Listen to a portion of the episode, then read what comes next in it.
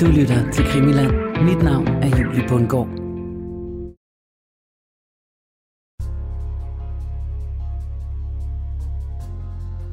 Og Nørgaard han skriver så, at Lind han er en grov, uappetitlig forbrydertype, mens nu Lind lyser af falskhed og oser af begær. Han er stangberuset, den her Len skrev det. Så han er altså overbevist om, nu er han god, ikke? Og de prøver at holde ham tilbage og sådan noget, ikke? Det vil han ikke. Så, så han river sig ligesom løs. Og så farer han ud gennem kontoret og ud igennem forretningslokalet og tværs igennem udstillingsvinduet til den her bil. Kæmpe store udstillingsvindue. Der går han direkte igennem. og det, glas, det bliver jo splindret til alle sider og kæmpe brag.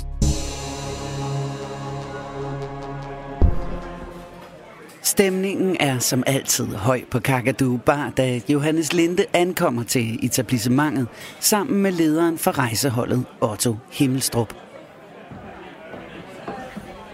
De to har festet sammen det meste af aftenen, og det store indtag af alkohol er begyndt at sætte sit tydelige aftryk på især Himmelstrups evne til at stå på egne ben. Indenfor på Kakadu Bar er alle borer optaget, og de to drukkompaner bliver henvist til baren, hvor Himmelstrup i uforholdsvis lang tid kæmper med at få sat sig på en barstol. Balance og finmotorik er tydeligvis ikke i topform her midt om natten efter flere timers festivitas. Men efter adskillige forsøg lykkes det for chefen af rejseholdet at få placeret sig i en af de høje barstole, mens han holder godt fast i bardisken. Lindes bevægelser er også tydeligt påvirket, og han vifter med en lang og ukontrolleret arm for at bestille to whiskyer i baren.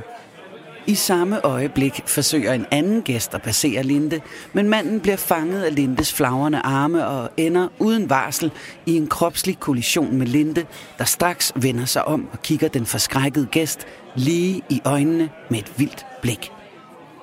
Manden forsøger at undskylde, selvom det er tydeligt for enhver, at det er Lindes egen slingeren, der er skyld i sammenstødet. Og han når da heller ikke at sige selve ordet undskyld, inden Lindes knyttede næve farer gennem luften og rammer den chokerede mand lige i ansigtet, så han falder om. Og da han ligger der på gulvet, kaster Linde sig straks over ham og lader det ene slag efter det andet havle ned over gæsten, der hurtigt mister bevidstheden. Halvvejs hængende på barstolen ved siden af, sprutter lederen af rejseholdet Otto Himmelstrup så meget af grin, at han rent faktisk falder ned af stolen, inden det tumultariske slagsmål bliver afbrudt. De to drukvenner, den kriminelle møbelhandler med den hurtige lige højre, og politichefen for rejseholdet, en af de øverst placerede inden for lov og orden, bliver bedt om at forlade Kakadu Bar og fortsætter deres våde aften videre ud i den københavnske nat.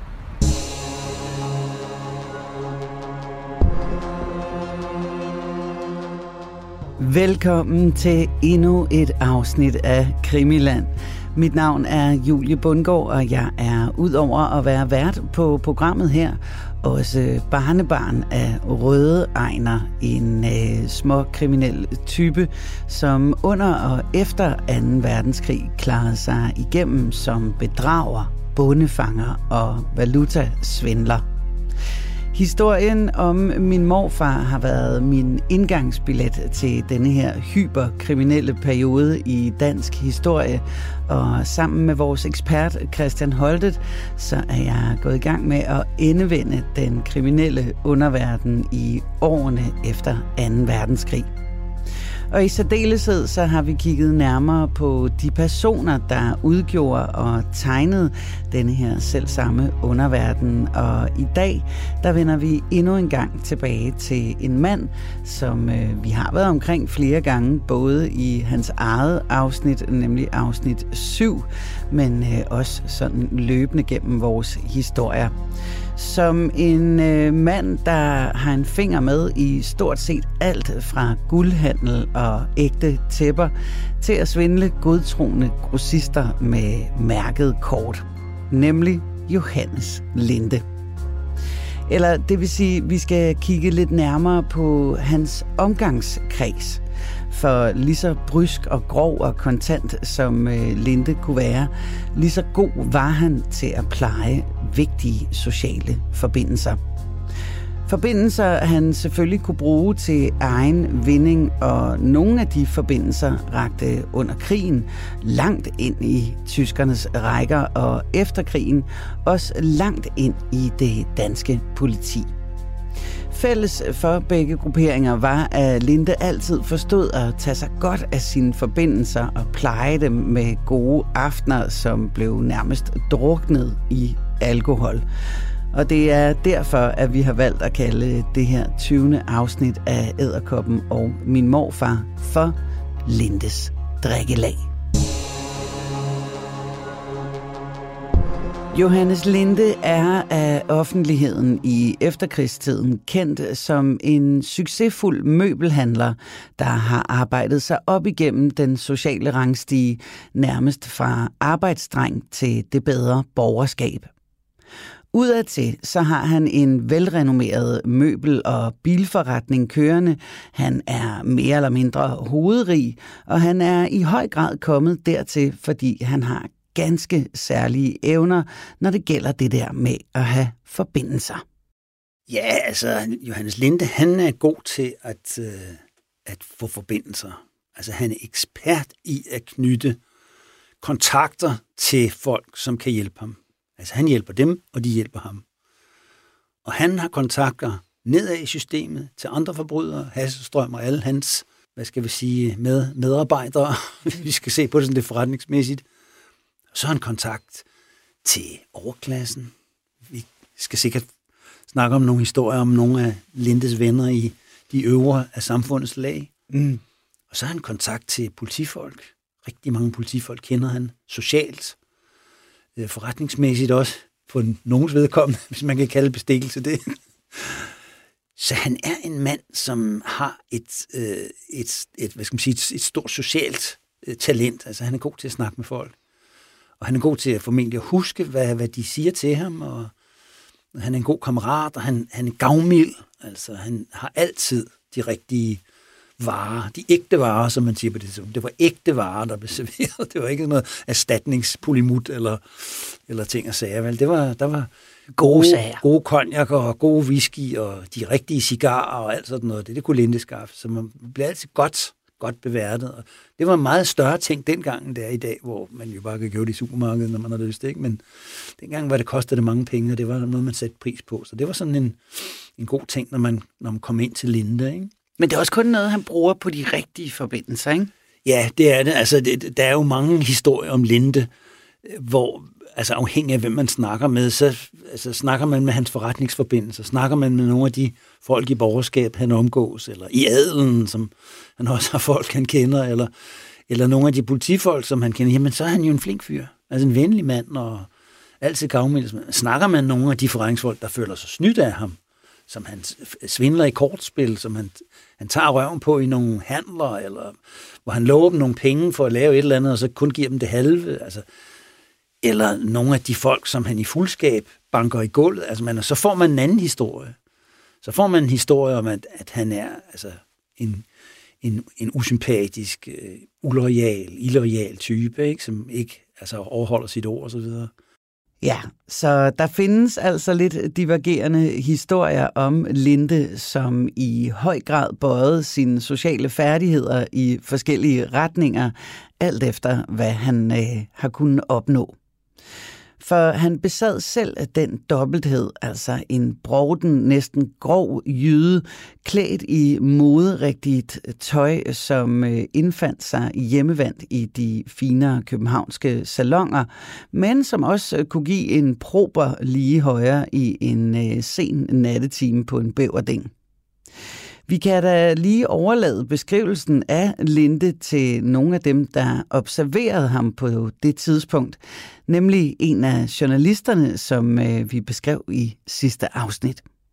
Altså nu snakkede vi sidste gang om øh, de to journalister, Anders Nørgaard og, og Poul Dalgaard, ikke? og de har jo også ham i kikkerten. Øh, vi, vi snakkede om den dagbog, de skrev. Der har de ham også i kikkerten, og øh, den her kriminalbetjent Schytter fortalte, at de skulle prøve at overvåge øh, Linde på nogle værtshuse, så kunne det være, at de kunne måske være heldige at fange ham i en handel, hvor der bliver handlet nogle, nogle hælerivarer og så videre. Ikke? Mm. Altså historien gik jo dengang, at altså, de små ting, der kunne man gå til Hasselstrøm, ikke? men altså var det virkelig sådan værdifulde, værdifulde 20 koster, altså edelstene og dyrebare smykker, jamen, så gik man til Linde med det, ikke? dyre uger og sådan noget. Ikke? Så anbefaler at man går ud og kigge lidt og se, prøv om I kan fange ham i noget der, så kan vi se, om vi kan, vi kan knalde ham på det. Ikke? Mm. Og det skriver de der journalister så om. Og så på et senere tidspunkt, så skriver så Anders Nørgaard en bog, og der synes jeg lige vil citere et afsnit. Det kan være, at vi har været inde på det før, men jeg synes, det, det kan godt tåle en gentagelse. Det er sådan virkelig god journalistik. Og der, der prøver han at karakterisere Linde i det miljø, som Lindes færdes i. Og Nørgaard, han skriver så, at Linde, han er en grov, uappetitlig forbrydertype, men snu. Linde lyser af falskhed og oser af begær, forklarer Nørgaard, som så jo altså sidder og kigger på ham inde i det her værtshusliv der, måske på Hotel Nordland eller noget, ikke? Så sidder han sådan lidt tilbagestrukket, så ser han så Linde. Tung kommer han ind på en bar, halvskælende, grågusten, næsten skadet, ludende og med grøde uforståelig male. Så hænger han sig på en stol og lapper whisky i sig imens hans øjne søger efter piger og eventuelt hans ofre. Ligegyldigt hvor dyrt tøj han har på, så ser han aldrig velkædt ud. Han skuler, smisker, smasker, piller sig i næsen og klør i de halvtjavsede hårrester og praler efterhånden, som han bliver fuld. Og senere så begynder Linde sig på sin, det han kalder sin mekodrinkur. han er blevet så sløv alt det, han har drukket, så skal han kvise lidt op af det her amfetaminprodukt, mekodrin. Øh, og så, altså, det, den, her, den her måde at karakterisere Linde på, ikke? Den, den finder man jo så også hos folk. Ikke? En meget subjektiv journalistik. Det, det kan der. man sige, ja. Den, der lægges ikke fingrene i vejen. De, de er meget mere sympatiske, når de skal omtale Halsenstrøm. Der, der kan de godt finde på at fortælle, som vi også har tidligere været inde på, at Halsenstrøm kan godt, kan godt være god mod de små i samfundet. Ikke? Sådan er Linde ikke. Han er, han er en type, der snopper opad.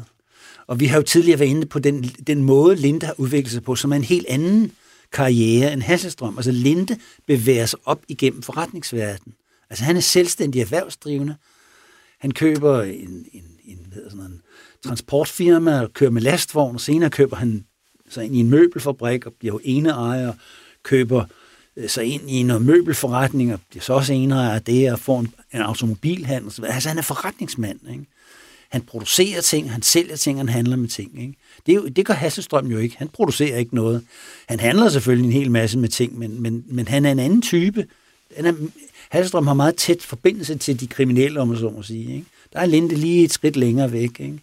Han har øh, i hvert fald et, et skalkeskjul ud af til. Han har en pæn facade ud af til, som jo er tilforladende nok. Altså store forretninger.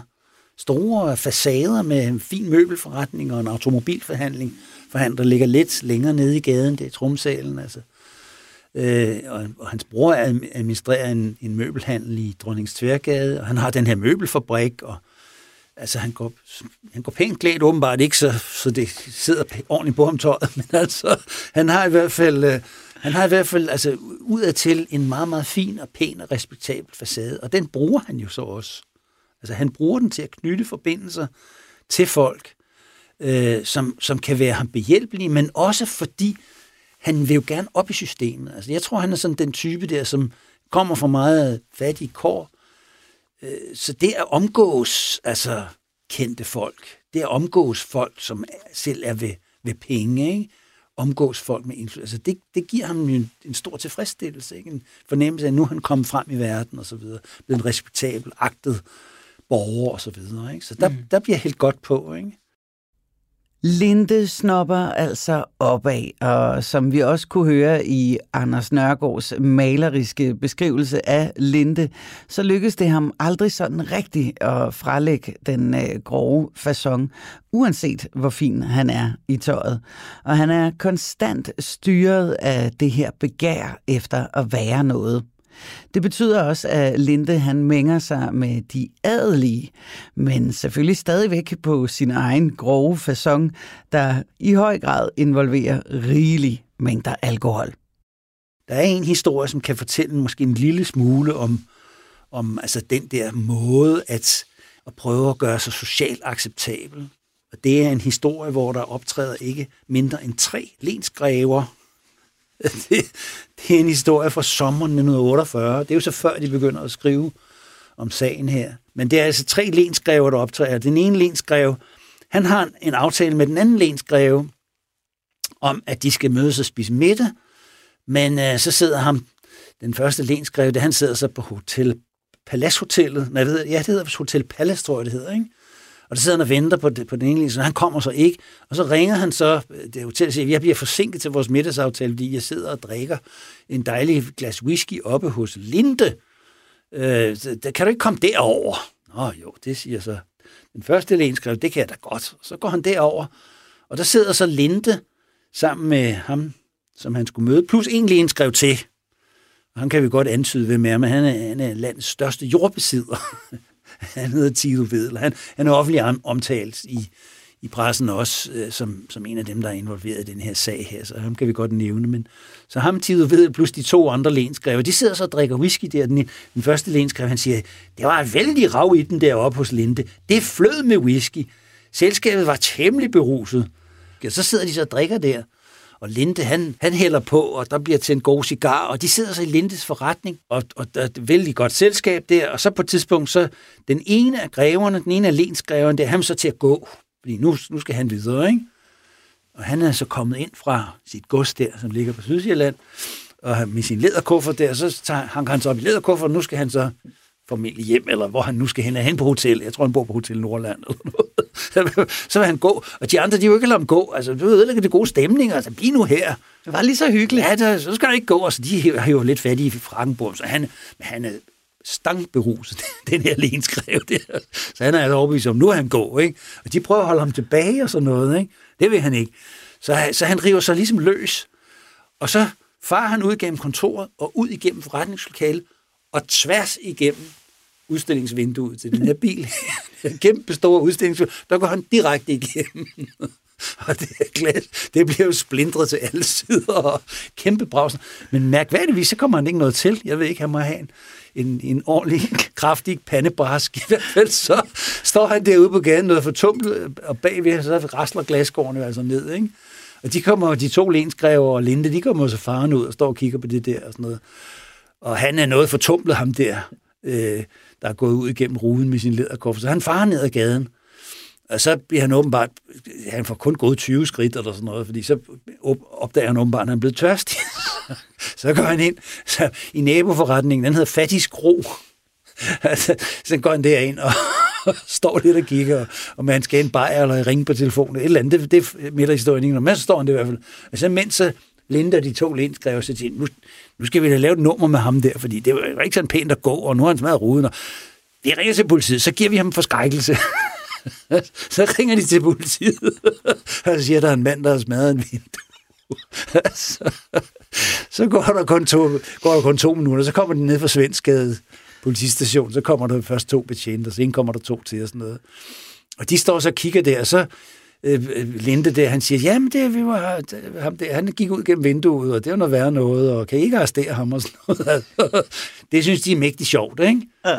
Og Linde, han har et godt forhold til de der politifolk, så han tænker, det kan vi hurtigt ændre på et tidspunkt. Så kommer så Lensgreven, som har været inde i fattigskro, så kommer han ud igen.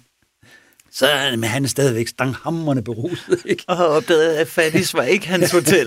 der er en af betjentene, der, der beskriver ham, er, altså, skriver, han var snøvlet, han var vrøvlet, han havde rødsprængte øjne, han var lallende, så var han overdreven, jovial og højrystet, så stank han af spiritus, den her, den her lenskrev. så, tager de, så tager de fat i ham, så præger de en taxa, de der to betjente der, og så vil sætte ham ind i, så, men det var jo ikke meningen for Linde og de to andre lenskrev. Det var ikke meningen, at han skulle arresteres, man skulle bare lade som om, ikke? Ja. Øh, I mellemtiden har jeg også ringet til en politimand, som Linde kælder vældig godt, som som hedder Himmelstrup, og som er søn af, af den, øh, den øh, hvad hedder det, øh, ved det, chefen for, for, for rejseholdet, også Himmelstrup. Så sønnen, han er også betjent. Ikke? Så ham har de ringet efter, fordi de tænker, han kan nok være praktisk lige, hvis der skal ordnes et eller andet. Men han kommer altså for sent, så de, de, de når altså at køre afsted øh, med, med den her lenskrev, de to betjente. Men lige for inden, så forsøger Linda at bestikke dem. Og det er derfor, vi så får en sag ud af det bagefter, med alle de her mange politirapporter, som jeg så har bagefter været inde og se på. Ikke? Mm. Og det er derfor, hele sagen er blevet beskrevet i detaljen. Det er en politirapport på over 15 sider omkring den her incidens. Men den, det er jo samtidig sådan en tidsbeskrivelse og en miljøbeskrivelse af, hvordan Linde omgås de her mennesker her. Ikke? Ah. Så siger Linde så, ja, her til den ene betjent. Jeg ved her, her er 50 kroner, bedre ven. Til, så er der til en øl. Køb en øl selv. Og så er der to versioner af sagen. der er selvfølgelig kommet nogle vidner, som har, har set, der er politi, og der, de, der er også nogen, der har hørt det der glasrabal, og det, så stemmer de sammen lidt, der, der er to-tre vidner, ikke? og fire betjente, og sådan. Der, er sådan, der sker lidt, ikke? Så der er nogle, nogle uafhængige vidner, om så må sige, ikke? Og så er der nogle betjente, så de bliver så afhørt af bagefter. Så er der to versioner. Altså betjenten, han, i, i den rapport, der bliver afhørt med ham, der nægter han selvfølgelig at sige, at han skal ikke have nogen penge. Han kan selv købe sit eget øl og sådan noget. Og er der vidne, siger, at han sagde tak og tog stak de 50 kroner i lommen. Så hvad der er rigtigt, det, det tør jeg så ikke, det tør jeg så ikke sige. Men i hvert fald så... Sted midt imellem. Der er i hvert fald lidt... Øh, I hvert fald så... Øh, så kører de afsted med ham der, betjenten, eller med ham der, lenskreven der. Og øh, så går der lidt stykke tid, og så, så, så, så ringer Linde så ned til politistationen og siger, kan I ikke, øh, kan I ikke slippe ham ud? Ej, siger så den vagthavende, det, det kan vi altså ikke. Vi kan ikke slippe ham ud. Nu skal jeg lige se, om jeg kan finde.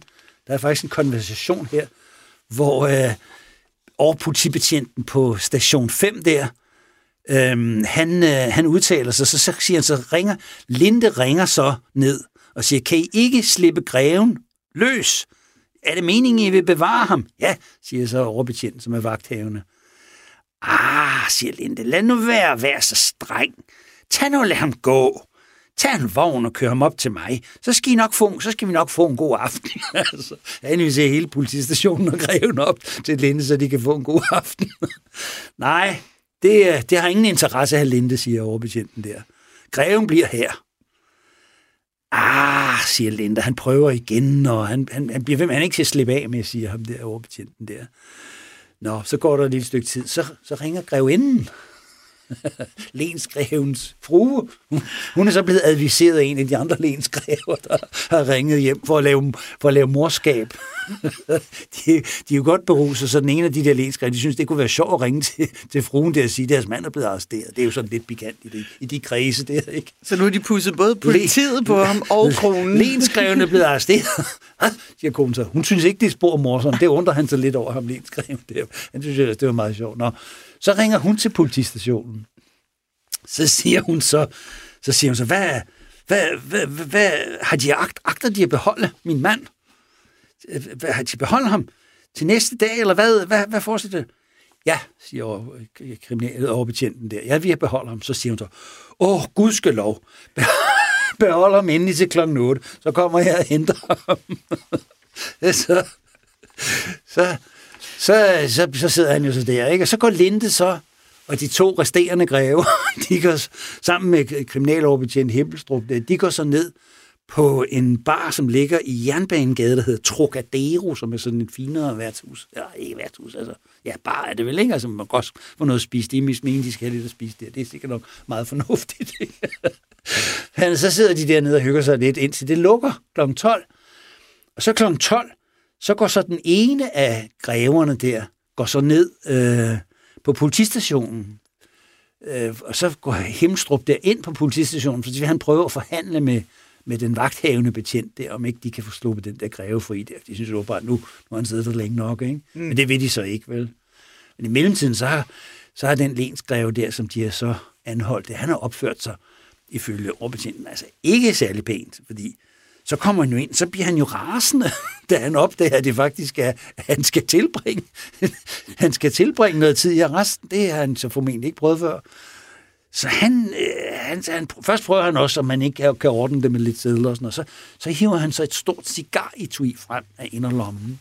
Og den her kriminaloverbetjent, han beskriver det, altså malen her, det var så Churchill-cigarer som man så forsøger, det er jo altså nogle ordentlige kanonslag, jeg tror, det er de største, største ja. model, jeg ved ikke. Det var en meget stor cigar. Det prøver han så at dele ud til de der betjente der. Men ifølge betjentene, så siger de nej. de modtager ikke cigaretter. Om det er, fordi de ikke ryger, eller ikke vil modtage bestikkelse, det ved jeg ikke. Men i hvert fald så bliver han sur omkring, så brækker han alle cigarerne midt over og smider dem på gulvet op ovenpå dem bagefter. Nej! Jo, han er rigtig sur. Så øh, ja, nej. Så han kommer ind og, og sidder i detentionen der, og så sidder kølen af til næste der. Så kommer hans, hans frue der, øh, grevinden, og så betaler hun så 30 kroner for at, øh, altså i bøde, og det er så, det er så noget, som den her vagthavnebetjent, han så kan åbenbart administrativt afgøre, altså 30 kroner for, mm. for hvad hedder det, øh, for at lave gadeorden, eller for et eller andet. Ja. Og efterfølgende, så bliver han så også afhørt, denne her lensgreve, som har gået igennem ruden der. Og så siger han så noget, der er meget interessant. Ja, så præsenterede Linde mig for en regning på 200 kroner og at hans butiksrude. det, er, det er meget morsomt, det der dobbelthed, at på den ene side, han elsker at mænge sig med de her greve her, også lave lidt sjov med dem, men altså, han skal også betale for ruden. Ja, ikke bare smadre en rude. Det var en hvilken med gadedreng, der havde smidt en sten ind. Ikke? Det, det synes jeg virkelig, det er sådan en, en, en besynderlig lille touch, der er til sidst på den her historie her. Linde er altså ikke bleg for at drikke lenskræver og des lige plakatfulde og få dem arresteret for sjov, og så lige forsøge at bestikke politiet til at slippe lenskreven igen. Og selvom det jo selvfølgelig er dybt kriminelt at øh, forsøge at bestikke politiet, så er det for Linde på det her tidspunkt noget, der er lige så normalt som at klø sig i nakken. Men det er måske heller ikke så mærkeligt, når man for eksempel drikker øl på daglig basis med nogle af de højest placerede politifolk. Okay, der kommer jo rigtig mange politifolk hos ham også. Mm. Og øhm, en af dem, der kommer, det er jo så chefen for efterretningstjenesten, politiets efterretningstjeneste, det hedder det så ikke på det tidspunkt, det er det, der senere bliver til PT, Troels Hoff, som jeg tror, vi har omtalt tidligere også. Mm. Han drikker øl dagligt hos, øh, hos Linde, ikke? Og Hoff han bliver jo senere dømt for at modtage bestikkelse, fordi han har prøvet at få en led i øh, nogle indrejse til en, til en tysk øh, soldat, som... Øh, eller tidligere tysk soldat. Det, det er meget svært for tyskere at få indrejsetilladelse i Danmark. Han har en kæreste i Jylland og så videre. Det er lidt, lidt den historie, som vi ser nu. TV2 kører badehotellet. Det er sådan lidt den samme historie, hvor der er en, en tysk soldat, der gerne vil tilbage i Danmark, men det er næsten umuligt at få indrejsetilladelse. Det, det ordner Hof så for hjælp med noget bestikkelse, og Linda involveret og så videre. Så der er sådan en historie der. Så sidder han og drikker med Otto Himmelstrup, som er chefen for rejsepolitiet. Så drikker han med rejsepolitiets søn der. Så er der en chef for politiets tekniske tjeneste, altså også en af de øverste chefer. Og, og flere andre, som øh, altså, vi ikke ved navnene på, øh, og som måske altså, er nogen, som, som man altså på anden vis møder andre steder, ikke? måske mm. på tomandshånd. Ikke? Linde har altså et godt greb i en hel del politifolk. Vi ved også fra tidligere afsnit, at det jo for eksempel lykkedes ham at få en værnemagersag til at forsvinde ud i den blå luft, eller rettere, så går den jo op i røg, da han overtaler krisebetjent Johannes Hansen til at stjæle sagen, som øh, Linde resolut smider i en brændeovn.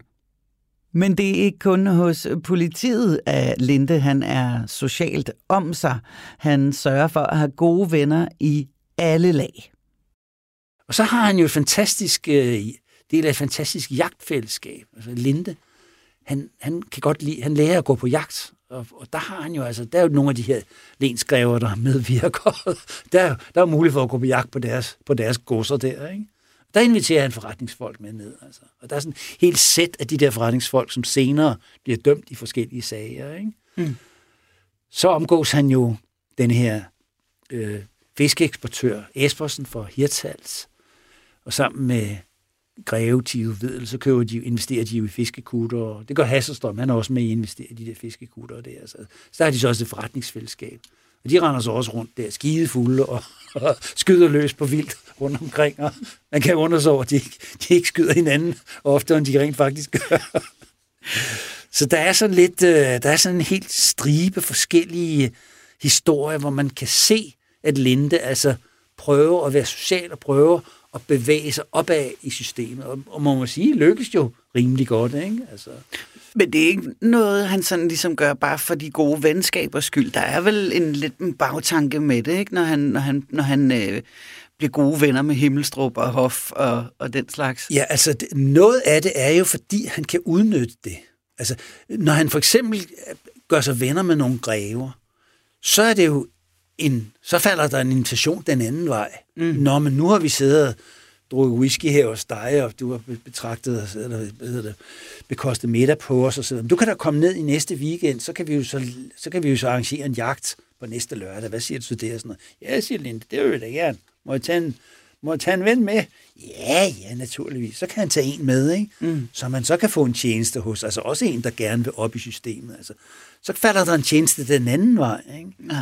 Og det er sådan, for eksempel, det er sådan, for eksempel den måde, han møder Tio Vedel på. Ikke? Det er sådan gennem sådan, Tio Vedel kommer til København, og så drikker de, og så kommer han så senere over på hans gods, og de skyder lidt og sådan noget. Og så kommer der et forretningsfællesskab ud af det. Så får de importeret noget whisky, og køber noget vin, og nogle cigaretter, og er forskellige ting og sager. Ikke? Mm.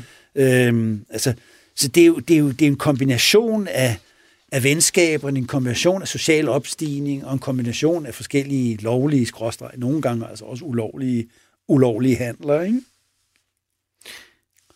Men hele det her Himmelstrup og Hof, altså, hvorfor er der ikke nogen, der opdager det, var jeg lige ved at sige? Altså, det, det, det, det, er jo ikke, det er jo ikke sådan, at de sidder hemmelige steder, vel? Altså, de sidder jo på offentlige barer og restauranter og drikker med Linde.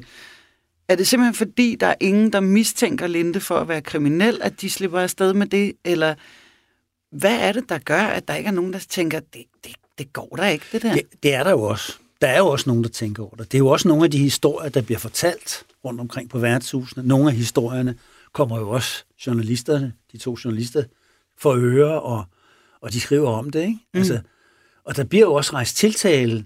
Øh, Troels Hoff bliver jo tiltalt. Ikke? Øh, Sigurd Efsen får også en dom for, for, for, for nogle lovligheder. Ikke? Ja. Øhm, og bøder falder der til nogle af de der for at forhandle whisky, nogle af de grever der og så videre. Ikke? Altså, så der er jo, altså det kommer jo, men det, altså det helt store, de helt store straffe falder der jo ikke til de der folk, men det er jo, det er jo en helt absurd situation at forestille sig. De der rygte historier, der går, altså... Han fortæller for eksempel på et tidspunkt, at han har et øh, fælles sommerhus sammen med Rigsadvokaten, altså den øverste advokat i Danmark. Hvad, et sommerhus? Ja, vi har et fælles sommerhus på Bornholm. Altså, hvad er det for en løgnhistorie? Eller er det sandt? Eller hvad er det lige? Men det er sådan en historie, der også går på værtshusen. Jamen, det kender han ikke noget til, og så videre. Ikke? Det, mm. det er der ikke noget om, da han så bliver forholdt af politiet. Så da Linde bliver anholdt i Æderkop-sagen, forsøger han først på sædvanlig vis at skaffe sig selv nogle bedre vilkår i fængslet. Og det gør han ved at fortælle små bidder af sandheden og så trække i land igen. Men efter et års tid, så er politiadvokat Skander Madsen ved at have fået nok af Lindes juleleje. Linde, som så til gengæld er ved at have fået nok af livet bag trammer, løfter for første gang på låget for nogle af sine forbrydelser. Da han så sidder der et års tid, så er det jo, det begynder at gå ham på. Han er jo, som vi ved, ikke særlig glad for at sidde i fængsel. Han får klaustrofobi, og det går meget hårdt psykisk på. Ikke? Det, det er jo noget, der sker jo for mange varetægtsfanger. Usikkerheden, det at sidde isoleret. Altså, på et tidspunkt så bliver, begynder man at blive deprimeret og nedbrudt. Og så. Det er jo også noget, selvfølgelig, erfarne politifolk ved, hvad det er for nogle processer, psykiske processer. Det forsøger man jo også at udnytte. Og så har han måske haft et ret så voldsomt stofmisbrug. Ikke? Det har han haft, ja. Han har måske, altså, han har det ikke så godt på den måde, at sådan rent øh, fysisk, vel? Så det kan være, at de tænker, så kan det være, at han bliver mør, om så må sige. Ikke? Det har måske været nogle af de udtryk, man har brugt dengang. Ikke? Mm. Men så i hvert fald så på et tidspunkt, så, øh, så, så har han altså været, siddet der så længe, så kommer der nogle yderligere anklager ind, og så videre. Så kommer der så en fyr, øh, en øh, politiadvokat, der hedder Skander Massen, og han øh, har jo altså haft øh, nogle af de her afhøringer med Linde, og han, han er ved at blive lidt utålmodig. Han siger, nu må vi se at få en ende på det her. Altså, vi, vi kan jo ikke sidde her i overvis. Nu må vi, nu må vi få det på banen. Altså, nu, nu må de fortælle os, hvad det handler om. Ikke? Øhm, altså, jeg vil have nogle forklaringer. Altså, i forhold til det her handler så specielt om Johannes Hansen, som er jo Linde har samarbejdet med omkring, hvor hvem stjal den sag, og hvordan han bestukket Johannes Hansen, og hvad har der været forskelligt. Og Linde, han har været meget tilbage, han viger udenom, og øh, han sagde, at øh, det kunne han ikke huske, og det, altså alt det der taktik, han har, ikke? Så nogle gange så siger han så også noget andet, så siger han, jamen, jeg kunne da måske godt forklare noget, hvis det var, at jeg fik nogle fordele ud af det. Nå, siger Skandermassen, så hvad, hvad, hvad skulle det være for nogle fordele?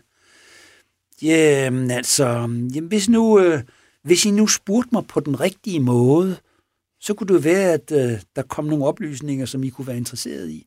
Hvad mener de? Altså, jeg gider ikke være med til den slags gætterier, siger Skandermassen der. Altså, de ved jo udmærket godt, hvad vi vil vide. Altså, fortæl nu om de spidselsesaffærer. Det er jo altså det, det handler om, ikke? Ja, siger Linde, det, det kunne han måske godt gøre, men kan vi ikke lave en handel, siger han så. en handel, siger Skandermassen. Hvad, hvad, hvad, hvad taler de om, Linde? Hvad taler de om? Jo, men altså, jeg kunne godt tænke mig at få nogle forbedrede forhold i min celle, for eksempel. Der er åbenbart, man kan få en bedre celle, eller man kan få nogle blødere madrasser, eller hvad ved jeg, man kan få lov at ryge på nogle af cellerne. Måske det er sådan noget, han tænker på. Så man er tidligere ligesom kunne bestikke sig til. Det kan han så måske ikke nu, vel? Mm. Eller, jeg vil også gerne benådes, siger han så. Han har jo hørt, at uh, Fede Ejner, han, han uh, står til en benådning. Måske er der nogle politifolk, der har antydet sådan noget for ham, ikke? Mm. Og Fede han får jo også en dom på, jeg tror, er det tre års fængsel eller sådan noget, hvor han kun kommer til at afzone, altså relativt kort, øh, fordi han har været politiet meget behjælpelig med oplysning. Han er en af dem, der rent faktisk taler, ikke? Og kommer jo så i bad standing, kan man sige, i banden der, ikke? Og ender som grønhandler på Østerbro. Øh, men, øh, men, men så det, han siger, det, det, det, så, det ved jeg jo, at man gør sådan noget der, siger Linde, ikke? Så, så jeg, skal, jeg, må have, øh, jeg, må have, jeg må have et eller andet. Altså, så siger Skander Madsen der, at øh, altså, ja, det kan jeg jo ikke garantere noget omkring. Altså, men han åbner op jo, kan man så høre og, se, og læse i den her politirapport. Altså. Så åbner han op og siger, men øh, jeg kan ikke garantere noget. Men så må vi først vide, hvad det er. Altså, hvad er det, de kan fortælle os? Ja, siger Linde så, nu er vi så i gang i en handelssituation. nu, nu skal der tænkes her. så siger Linde så, jamen, øh, okay, så hvis, nu fortæller jeg så nogle ting, siger Linde så. Altså, eller, eller han vil antyde nogle ting, men så må de love, at hvis ikke den her handel bliver sådan noget, eller han bruger ikke udtrykket handel, men altså aftale eller et eller andet, hvad, hvad det nu sådan er faldet. Det står ikke sådan helt præcist, hvordan de omtaler det, der sådan set er en handel, ikke? Men ja. øhm, så, så skal statsadvokaten der, så skal, ved det, øh, politiadvokaten, så skal han love, at oplysningen ikke bliver benyttet. Nå, ja. Fordi, at, øh, fordi så føler han jo så, så snydt, ikke? Mm. Skander Madsen vil have antydninger. Hvad er det for noget? Øh, Linde vil godt give lidt, men ikke så meget, så at, at han ikke har noget at handle med bagefter, fordi så, så kan han jo godt føle, at han måske bliver snydt, ikke? Så han skal give lidt, nok til, at Skander Madsen synes, det er interessant at gå videre med sagen, fordi det er jo ikke noget, han selv kan afgøre. Det er formentlig et godt stykke over hans charge, som man sige. Der skal han op og snakke med nogle af sine overordnede op i systemet. Ikke? Mm. Men han skal selvfølgelig komme op og sige, ja, Linde vil fortælle os noget om udopstegn ja. et eller andet. Ikke? Så det, det, det siger han så til Linde, og så siger Linde så, jamen okay, jamen jeg kan fortælle om en historie, en politimand, jeg har bestukket. Øhm, og øh, så kan jeg fortælle om en politimand, som har været med til at lave et indbrud, som jeg hjalp ham med. Et indbrud i mit pengeskab. Øhm, og så kan jeg fortælle om øh, en forretningsmand, som har bestukket politifolk og bedrevet smugleri under politibeskyttelse. Og så kan jeg fortælle om, hvordan jeg har bestukket en meget højtstående politimand, udråbstegn. Det er, der står der ikke i rapporten, men altså, det, det kan vi sådan mm. føle, at der har stået et mentalt udråbstegn. En meget højtstående politimand har Linde bestukket. Nå, okay. Det lyder jo selvfølgelig interessant. Overordentligt interessant. Vi har hørt om nogle lavere stående, om så må sige. Altså nogle lavere rangerende politifolk, der er blevet bestukne. Max Christensen, Johannes Hansen ved vi, øh, Steffensen. Øh. Der er et par stykker af de der, som, som er blevet bestukket, og som har fået ja, så har de fået en 500 kroner selv, og så har de fået 1000 kroner og sådan Altså, men i det der, på det niveau, ikke? Mm. det er altså for små politifolk, som synes ikke, at de bliver forfremmet, eller men værdsat deres arbejde, så er de, så er de faldet lidt, altså sådan, altså Linde, han har jo den der tek- tek- taktik der med, han går ikke sådan direkte hen og siger, hvad, kan du gøre det for mig, så er der 500 kroner tid. Altså, der er sådan en historie om, hvordan han indleder groomer, om man så må sige, en politimand. Han sidder og drikker bare med en politimand på et værtshus, og så, så vil Linde gerne have den her politimand til at gøre noget, men, men han, kan ikke sådan, han vil ikke sådan sige det direkte, fordi så ved han godt, så vil politimanden sådan rykke tilbage. Så han, så han prøver sådan en, en taktik, så siger, må, må jeg se dit armbåndsur? siger Linde så til politimanden. Hvad, hvad? Jamen, jeg skal lige se.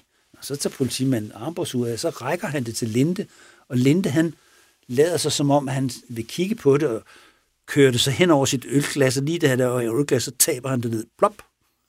Så ryger armbåndsuret ned i ølglas, og efter Linde tager gas op og løfter, og ryster det lidt så den så han er sikker på, at det her ur, som formentlig ikke er vandtæt, det var de vist ikke på den tid, det tidspunkt, vel? Åh, oh, det var da ødelagt, det ur der. Ej, det må du undskylde. Jamen, det kan jeg jo ikke. Jamen, det vil jeg da gerne erstatte.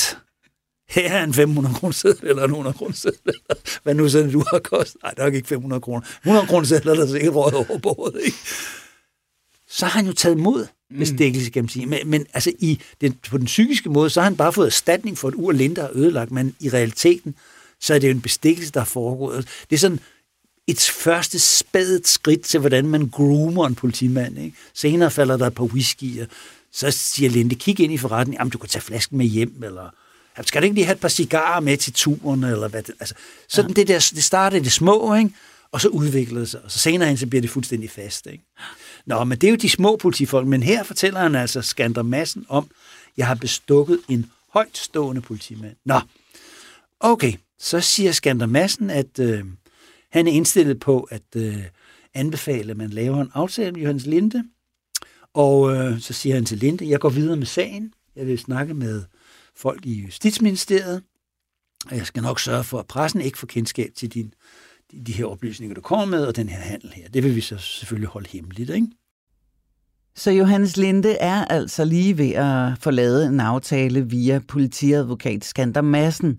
Linde er klar til at afsløre en højtstående politimand, som øh, Linde selv siger, at han har bestukket. Han er villig til at fortælle om en politimand, som han har begået indbrud med, og så vil han også gerne fortælle om, hvordan han kender en forretningsmand, som har bedrevet smugleri under politibeskyttelse.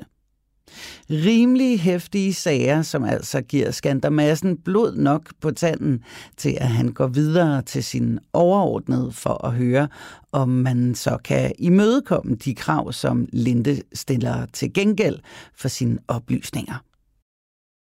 Men, hvad sker der så? Så er det jo interessant. Så bladrer man jo med bævende fingre til næste side. Hvad står der så? laver de en aftale. Får vi navnet på den her højtstående politimand? Får vi navnet på den politimand, der har lavet indbrud? Får vi navnet på den forretningsmand, som har lavet smuglerier, hvor der har været politibeskyttelse? Hvad? Hvad sker der? Nej, der sker Nej. ingenting. Der sker ingenting. Så Skander Jeg Madsen, sad helt ude på kanten ja, af stolen her, Christian. Skander Madsen kommer tilbage fra Justitsministeriet. Man har afslået man vil ikke lave nogen som helst former for handel med Himmelstrup. Vold med, hedder, med, med, ved det, øh, med Linde der. Der kan ikke blive tale om noget handel. Nå, siger Linde. Fint. Og så kan man så høre, så bliver gæben smækket i. Så kommer der ikke en lyd mere ud over hans øh, læber omkring. Men hvad er det for en højtstående politimand? Altså, mm. Hvad er det, han har bestukket ham til? Altså, hvad er det, hvordan kan sådan noget foregå? Ikke? Der, det, kan vi jo, det kan vi jo, altså, der kan man jo så begynde at lege konspirationsteoretikere. Og det må vi godt her, Christian. okay.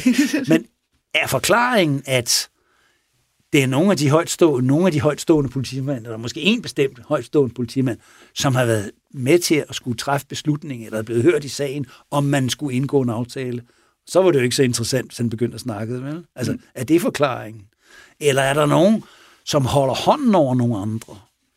Eller er det bare, fordi man vil ikke lave en aftale med ham? Men, men det kan virke mærkeligt, at man ikke vil lave en aftale med ham, når man har lavet det med, med Ejner, Fede Ejner. Mm. Der lavede man en aftale, og han fik jo rent faktisk nedsat en straf til, altså under, under en tredjedel af det, han skulle have siddet, sad han, ikke? Det er jo lidt mystisk, ikke? Men man kan også sige, at Ejners, øh, Fede Ejners oplysninger er jo ret meget myndet på Hasselstrøm og Linde. Men nu kommer Linda og siger, at jeg ved noget om en højtstående politimand, øh, som jeg har bestukket. Det vil man sjovt nok ikke vide.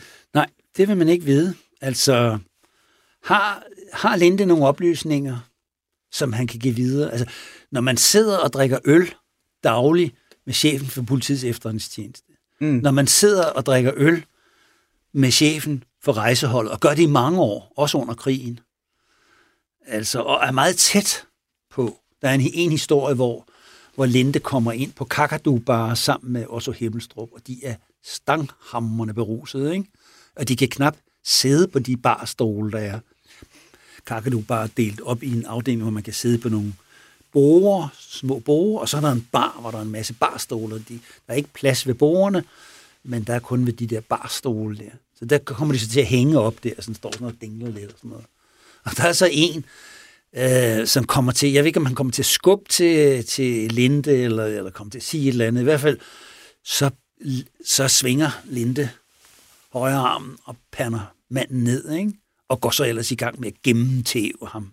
Mens Himmelstrup, altså chef for rejseholdet, han sidder skraldgrinende og kigger på den her voldsepisode her. Ikke? Og det er så to, øh, to vidner, som er meget troværdige, altså ikke kriminelle, men meget troværdige vidner, som fortæller politiet efterfølgende, lang tid efter, altså flere år efter, bliver de interviewet omkring det der, og fortæller den her historie.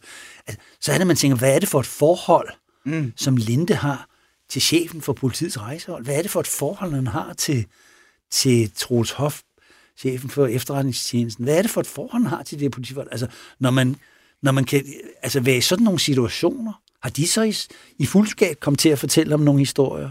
Har han kunne haft en klemme på nogle af dem? Har de kommet til måske at fortælle nogle ting? Altså på en eller anden måde nogle historier om noget korruption højere op i systemet? Eller, eller har der været en person, som har været højt op i systemet, og som har dækket over sager? Har Linde måske været i forbindelse med den her forretningsmand, som han fortæller, altså en, en, en, en, en kendt forretningsmand, eller er det en forretningsmand? Er det måske virkelig en, en helt anden, men som bare siger en forretningsmand, men i hvert fald en person, som smuler under politibeskyttelse. Hvad er det for en historie? Er der nogen, der dækker over det? Er der en højstående politimand, der dækker over øh, sådan nogle forhold, som Linde mod at få nedsat sin straf i givet fald vil være parat til at udlevere? Mm. Ja, det kan vi sidde og konspirere lidt om. det kan vi sidde og tænke over. Og kan det være årsagen til, at man er bestemt ikke interesseret i nogen aftale med ham, at han skulle begynde at plare brud med den slags ting? Mm. Ja, det, øh, det er jo, det, det ligger, der ligger konspirationsteorierne åbne her i hvert fald. Ja, det er altså meget mystisk, det her. Linde, som ellers har været lukket som en østers, tilbyder endelig at snakke, selvfølgelig mod goder, lidt bedre vilkår i fængslet, eller måske lige frem nedsat straf. Han er jo mand for at lave en god handel, også når det gælder hans eget fængselsophold.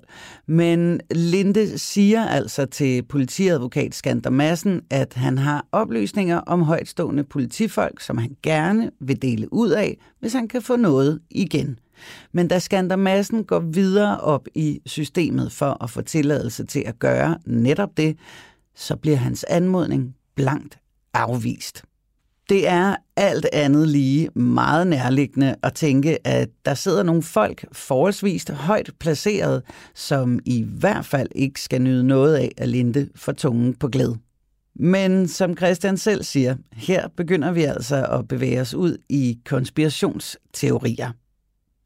Så lad os i stedet kigge lidt på, hvad der sker med de politifolk, som Linde så jævnligt har haft kontakt med, og som han har drukket tæt med. Hvad, hvad sker der egentlig med Himmelstrup og Hof efterfølgende? Himmelstrup dør. Øh, jeg kan ikke huske, en gang i 1948 dør han. Han, han, han bliver... Altså nærmest inden sagen? Den ja, ja, inden sagen. Han, han når ikke at blive impliceret i sagen overhovedet. Hans søn bliver, til, bliver tiltalt. Jeg tror, han bliver... Jeg tror, de sigter ham, man frafalder. Han får en eller anden bøde, eller sådan, hedder sådan noget tjenestemandspåtale, eller sådan noget, for at have været lidt for tæt på Hasselstrøm. Ikke? Ja. Hof bliver dømt i sagen, ikke? og får Øh, en, en dom, ikke? Og, og bliver afskediget som chef for politiet, og nogle år efter går han, efter hvad der står i avisen, ud foran en sporvogn og bliver kørt ned, eller en bil, eller altså bliver dræbt ved en automobilulykke. Ikke? Øhm, men ellers så er der jo ikke nogen... Ja, der er en højtstående en højtstående politimand, som, som, øh, øh, som Linde drikker sammen med, som er chef for noget teknisk tjeneste i politiet, som, som øh, Linde bestikker. Han giver ham en, en afstandsmåler.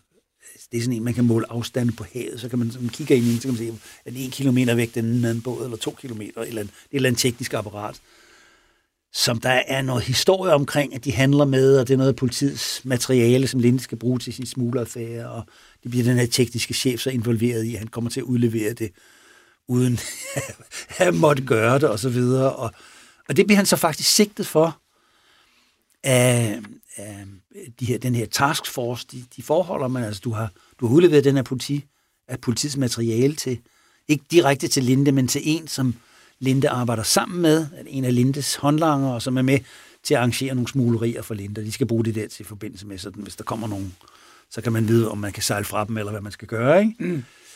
Og så indrømmer denne her politichef, den tekniske politichef, han indrømmer så, jamen det har jeg gjort, og så videre. Ja, så må de jo regne med, at de bliver sigtet, og der vil formentlig falde en fængselsstraf, for det er jo en skærpende omstændighed, at man har taget, altså i betroet tjeneste, har man taget noget af statens materiel og udleveret til forbrydere. Det, da han bliver afskediget, han får formentlig også en fængselsdom. Ikke? Ja. Og så siger, sidder så betjent, de sidder og kigger op, og så siger han så, ham der betjent der, han vil gerne, han vil gerne, øh, han vil gerne lige sidde og tænke et øjeblik, og, og sådan noget. Jamen, det siger det er fint nok betjent. Så har han en bisidder med ham der, politichefen der, en advokat, som er sådan, når politifolk bliver anklaget for noget, så henvender de sig til politiforbundet, og så får de sådan en bisidder, som er en advokat, som kommer op og siger, nu skal du ikke sige mere her, eller hvad, hvad man nu gør sådan i en situation. Mm. Og så sidder han, så går så politi, øh, politimanden siger, at det er fint, du lige sidde lidt, og så skal vi så have skrevet rapporten, og så skal du skrive under. Sådan, Jamen, det er fint, siger sådan teknisk chef. Så, og så sidder han så sammen med advokaten der, og så da politimanden er gået ud, så åbner den tekniske chef skrivebordskuffen, og så sin tjenestrevolver frem og skyder sig i brystet. Og, øh, og kuglen går igennem, ikke? tæt på hjertet og falder om, og så videre. Ikke? Ja. Og han dør ikke med det samme. Han ligger faktisk og er ved fuld bevidsthed og så videre. Så bliver han så kørt på hospital, og så dør han så dagen efter af, af eftervirkningen af det her skudsår der. Så han, han, øh, han er så en af de typer der, som der, som der også er involveret i det. Så der har også nogle tragiske følger, at selvom man har været involveret i at sidde og drukket lidt og har været i en mindre bestillelsesfære, så, så er det altså så er det alvorligt. Mm. han har ikke kunne klare at skulle gå hjem til familien og fortælle, at han var blevet afskedet i vandet og så videre. Kæmpe så der er nogle, nogle tragiske skæbner også, ja. der falder i kølvandet på sådan nogle typer som Linde. Ikke? Hvad med selve venskabet mellem Linde og Hasselstrøm? Fordi de begynder jo at angive hinanden for en hel masse ting der under Æderkop-sagen. Hvad sker der bagefter? Og også da de jo i øvrigt sidder fængslet begge to samtidig. Ikke? Ja, øh, jeg er ikke klar om de sidder i samme fængsel, men der er ikke nogen forbindelse med dem bagefter. Mm. Det har jeg ikke hørt noget om, eller heller ikke læst om det. Altså, Linde kommer jo ud og fortsætter sin affære, men han dør jo relativt tidligt. Ikke? Ja. Jeg tror, han han, han dør en, relativt ung, i, eller ikke ring, altså, men i 60'erne, ikke? Ja. Mens Hasselstrøm lever jo til 95 eller deromkring, bliver en ældre her på 84, ikke? Men de, men de har ikke noget med hinanden at gøre, det tror jeg ikke. Og, mm. og de havde også hinanden. Det siger, det siger Hasselstrøm også i, i, i, i en af de der retssager, der, så siger de, jeg hader dig, og nu skal du og bliver rigtig sur på, og sådan noget, og råber ind i retssagen. Og sådan noget. Helt Thorsen ja, ja, der er sådan noget det. der er sådan lidt, lidt eller den der. Æderkopsagen bliver altså også enden på venskabet mellem Hasselstrøm og Linde, og den bliver også mere eller mindre enden på Linde selv, som ender med at afzone hele sin dom seks år uden nogen som helst form for nedsættelse. Og de fordoms gode tider, hvor han lå i drikkelag med polititoppen som Himmelstrup og Hof, ender altså også med at indhente ham fysisk Lindes forholdsvis hårde liv, som indebar uanede mængder af alkohol og amfetamin, har til sidst øh, forvoldt så meget skade på hans egen krop, at han dør i 1963 i en alder af 56 år. Og det er så også et øh, passende sted at afslutte denne uges afsnit af Krimiland, hvor vi som altid fik god hjælp af vores ekspert Christian Holtet. I vores øh, Facebook-gruppe, som du finder bare ved at søge på Krimiland på Facebook, der kan du diskutere teorier med andre Krimiland-lyttere. Og derinde i vores øh, Facebook-gruppe, der er vi også begyndt at lave et øh, decideret forbryderalbum, eller i hvert fald et øh, persongalleri. Her kan du løbende støde på billeder og beskrivelser af nogle af de mange forskellige karakterer, som vi beskæftiger os med i denne her ret så spændende periode. Vi forsøger simpelthen at lave et øh, større persongalleri, og der vil løbende komme flere billeder og beskrivelser til. Men øh, hvis du ikke har fået meldt dig ind i gruppen endnu, så gør det, for der vil som sagt over de næste par uger være mange gode ting derinde, som øh, ligesom kan hjælpe til et øh, samlet overblik. Mit navn er Julie Bundgaard, og jeg har tilrettelagt og redigeret Æderkoppen og min morfar, og det har jeg gjort sammen med Frederik Holst. Krimiland er produceret af Wingman Media for Radio 4. Tak for denne gang, og tak fordi du lyttede med.